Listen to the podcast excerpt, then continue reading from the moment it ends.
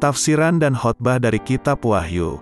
Apakah zaman Antikristus, kemartiran, pengangkatan dan kerajaan seribu tahun sedang datang? 2. Paul C. Jong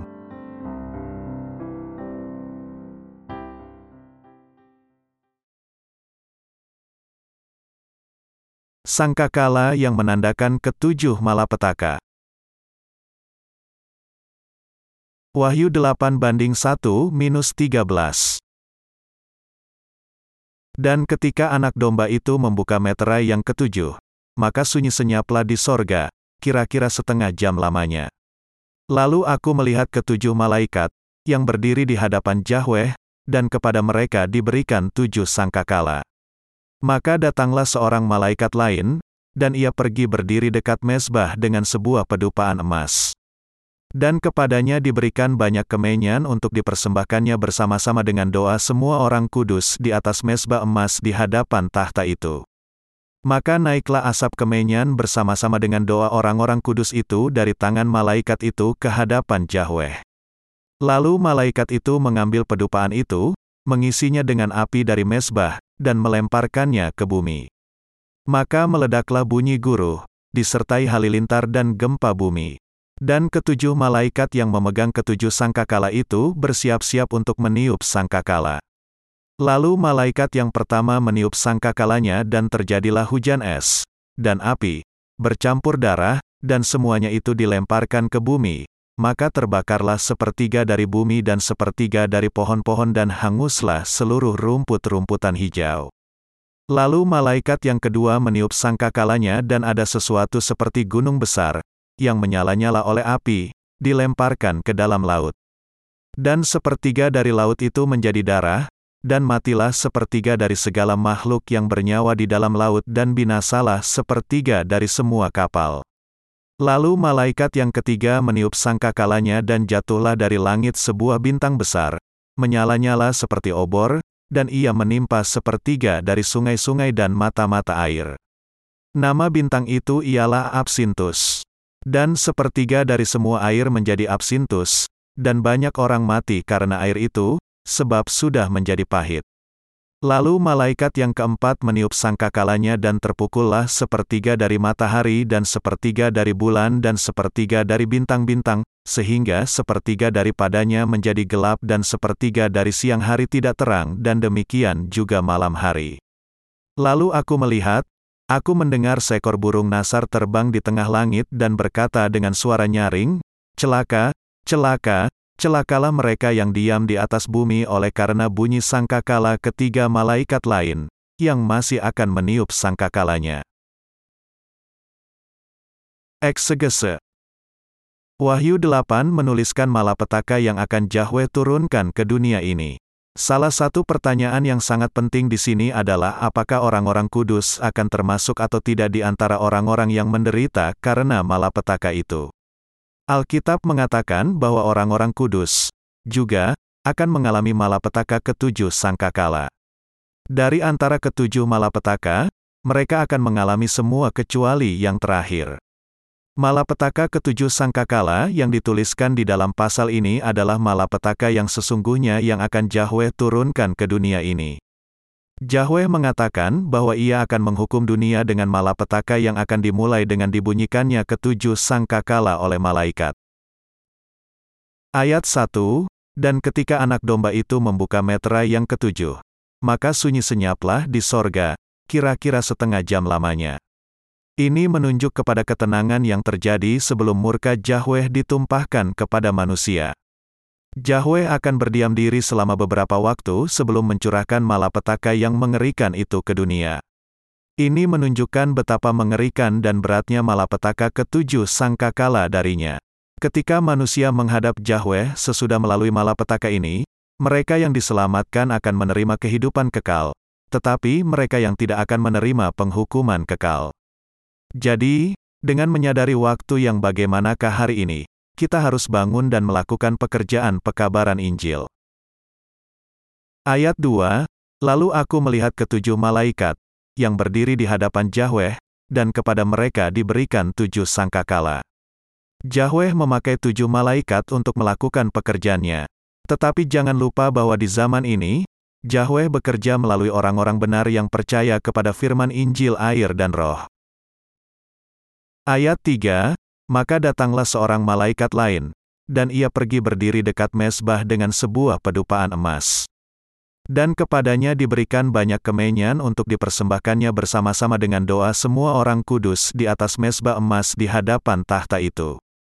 Ini menunjukkan bahwa Yahweh, yang mendengar doa-doa yang dinaikkan orang-orang kudus di tengah penganiayaan dan kesengsaraan karena iblis dan pengikut-pengikutnya, akan menurunkan semua malapetakanya ke dunia ini. Pedupaan emas di sini menunjuk kepada doa-doa dari semua orang-orang kudus, yang berarti bahwa ketika doa-doa mereka dipersembahkan kepada Yahweh, semua pekerjaannya akan digenapi. Yahweh bekerja dengan mendengarkan doa-doa orang-orang kudus. Ayat 4, Maka naiklah asap kemenyan bersama-sama dengan doa orang-orang kudus itu dari tangan malaikat itu ke hadapan Yahweh. Ini menunjukkan betapa antikristus sudah menyiksa orang-orang kudus di dunia ini. Karena kesengsaraan yang terjadi di akhir zaman, orang-orang kudus akan berdoa kepada Yahweh untuk mengusir antikristus, untuk membuat kesengsaraan itu segera berlalu dari mereka, dan untuk menunjukkan kepada orang-orang yang membunuh mereka betapa dahsyatnya murka Yahweh atas mereka. Ayat ini menunjukkan bahwa Yahweh kemudian menerima doa-doa orang-orang kudus. Sesudah menerima doa-doa orang-orang kudus ini, Yahweh akan mulai menghakimi antikristus dan pengikut-pengikutnya dengan malapetaka ketujuh sangkakala dan ketujuh cawan. Penghukuman Yahweh atas antikristus dan pengikut-pengikutnya adalah jawaban terakhir atas doa-doa orang-orang kudus. Ayat 5-6 Lalu malaikat itu mengambil pedupaan itu, mengisinya dengan api dari mesbah, dan melemparkannya ke bumi. Maka meledaklah bunyi guruh, disertai halilintar dan gempa bumi. Dan ketujuh malaikat yang memegang ketujuh sangkakala itu bersiap-siap untuk meniup sangkakala. Yahweh sedang mempersiapkan malapetaka ketujuh sangkakala ke dunia ini. Karena itu, dunia ini tidak akan lepas dari ledakan, guruh, halilintar, dan gempa bumi. Ayat 7, Lalu malaikat yang pertama meniup sangkakalanya dan terjadilah hujan es, dan api, bercampur darah, dan semuanya itu dilemparkan ke bumi, maka terbakarlah sepertiga dari bumi dan sepertiga dari pohon-pohon dan hanguslah seluruh rumput-rumputan hijau. Malapetaka yang pertama adalah terbakarnya sepertiga bumi, di mana sepertiga pohon pun dan seluruh rumput-rumputan hijau hangus terbakar.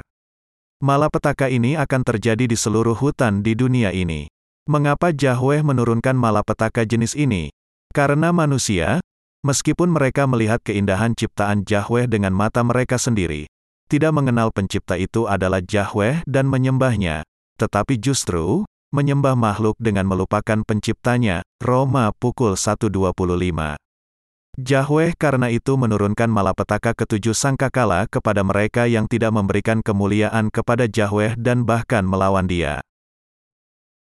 Ayat 8-9 Lalu malaikat yang kedua meniup sangkakalanya dan ada sesuatu seperti gunung besar, yang menyala-nyala oleh api, dilemparkan ke dalam laut. Dan sepertiga dari laut itu menjadi darah, dan matilah sepertiga dari segala makhluk yang bernyawa di dalam laut dan binasalah sepertiga dari semua kapal. Malapetaka sangkakala kedua adalah jatuhnya suatu bintang yang menabrak dunia ini. Asteroid itu akan jatuh di laut dan membuat sepertiga dari laut itu menjadi darah, membunuh sepertiga dari makhluk yang bernyawa di laut dan membinasakan sepertiga dari semua kapal. Melalui alam yang diciptakan Yahweh, manusia menerima banyak berkat-berkat. Tetapi bukannya bersyukur kepada Yahweh atas berkat alam semesta ini, mereka menjadi sombong dan kemudian melawan Yahweh. Malapetaka yang kedua menghukum mereka atas dosa ini. Ayat 10, Lalu malaikat yang ketiga meniup sangkakalanya dan jatuhlah dari langit sebuah bintang besar, menyala-nyala seperti obor, dan ia menimpa sepertiga dari sungai-sungai dan mata-mata air. Mengapa Yahweh mengizinkan sebuah asteroid untuk jatuh, menimpa sepertiga dari sungai-sungai dan mata-mata air. Karena manusia, meskipun dihidupi oleh Yahweh yang adalah penguasa kehidupan, tidak menyembah dan bersyukur kepadanya, tetapi justru meremehkan Tuhan atas kehidupan ini. Ayat 11, nama bintang itu ialah Absintus. Dan sepertiga dari semua air menjadi absintus, dan banyak orang mati karena air itu, sebab sudah menjadi pahit. Karena malapetaka yang ketiga ini, sepertiga sungai dan mata air menjadi absintus, dan banyak yang akan mati karena minum air itu. Malapetaka ini adalah penghukuman bagi orang-orang berdosa yang sudah menyiksa Yahweh dan hati orang-orang kudus. Yahweh tidak akan pernah gagal dan dalam membalas bagi orang-orang kudus untuk semua perbuatan yang dilakukan melawan kebenaran. Ketika orang-orang berdosa membawa penderitaan kepada orang-orang benar, Yahweh akan menghukum mereka. Malapetaka yang ketiga adalah malapetaka yang lain kepada alam. Hal itu diturunkan karena dosa ketidaktaatan manusia yang tidak percaya kepada Injil air dan roh yang diberikan oleh Yahweh. Absintus di dalam Alkitab senantiasa menunjuk kepada penghukuman kepada mereka yang tidak taat dan melawan Yahweh. Ayat 12, Lalu malaikat yang keempat meniup sangkakalanya dan terpukullah sepertiga dari matahari dan sepertiga dari bulan dan sepertiga dari bintang-bintang, sehingga sepertiga daripadanya menjadi gelap dan sepertiga dari siang hari tidak terang dan demikian juga malam hari. Malapetaka yang keempat adalah digelapkannya sepertiga matahari, bulan, dan bintang-bintang. Sepanjang waktu itu, manusia sudah mengikuti iblis dan sudah mengasihi kegelapan. Karena itu mereka tidak menyukai terang keselamatan yang bersinar karena Injil air dan roh yang diberikan oleh Kristus. Dengan demikian, untuk mengajarkan kepada mereka betapa mengerikan dan betapa terkutuknya kegelapan itu, Yahweh akan memberikan malapetaka kegelapan. Malapetaka ini juga untuk menunjukkan betapa dahsyatnya murka Yahweh bagi dosa mereka yang membenci Yesus Kristus dan mengasihi kegelapan. Sebagai akibatnya, sepertiga matahari, bulan, dan bintang di dunia ini akan kehilangan terangnya dan menjadi gelap.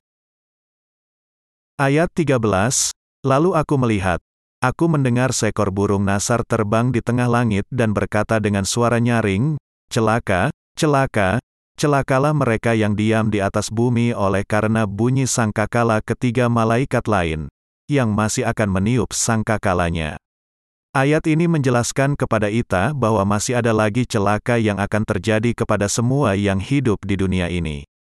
Karena itu, semua orang-orang benar dan mereka yang melawan Yahweh akan dibebaskan dari dosa-dosa mereka dengan percaya kepada Injil air dan roh sesegera mungkin.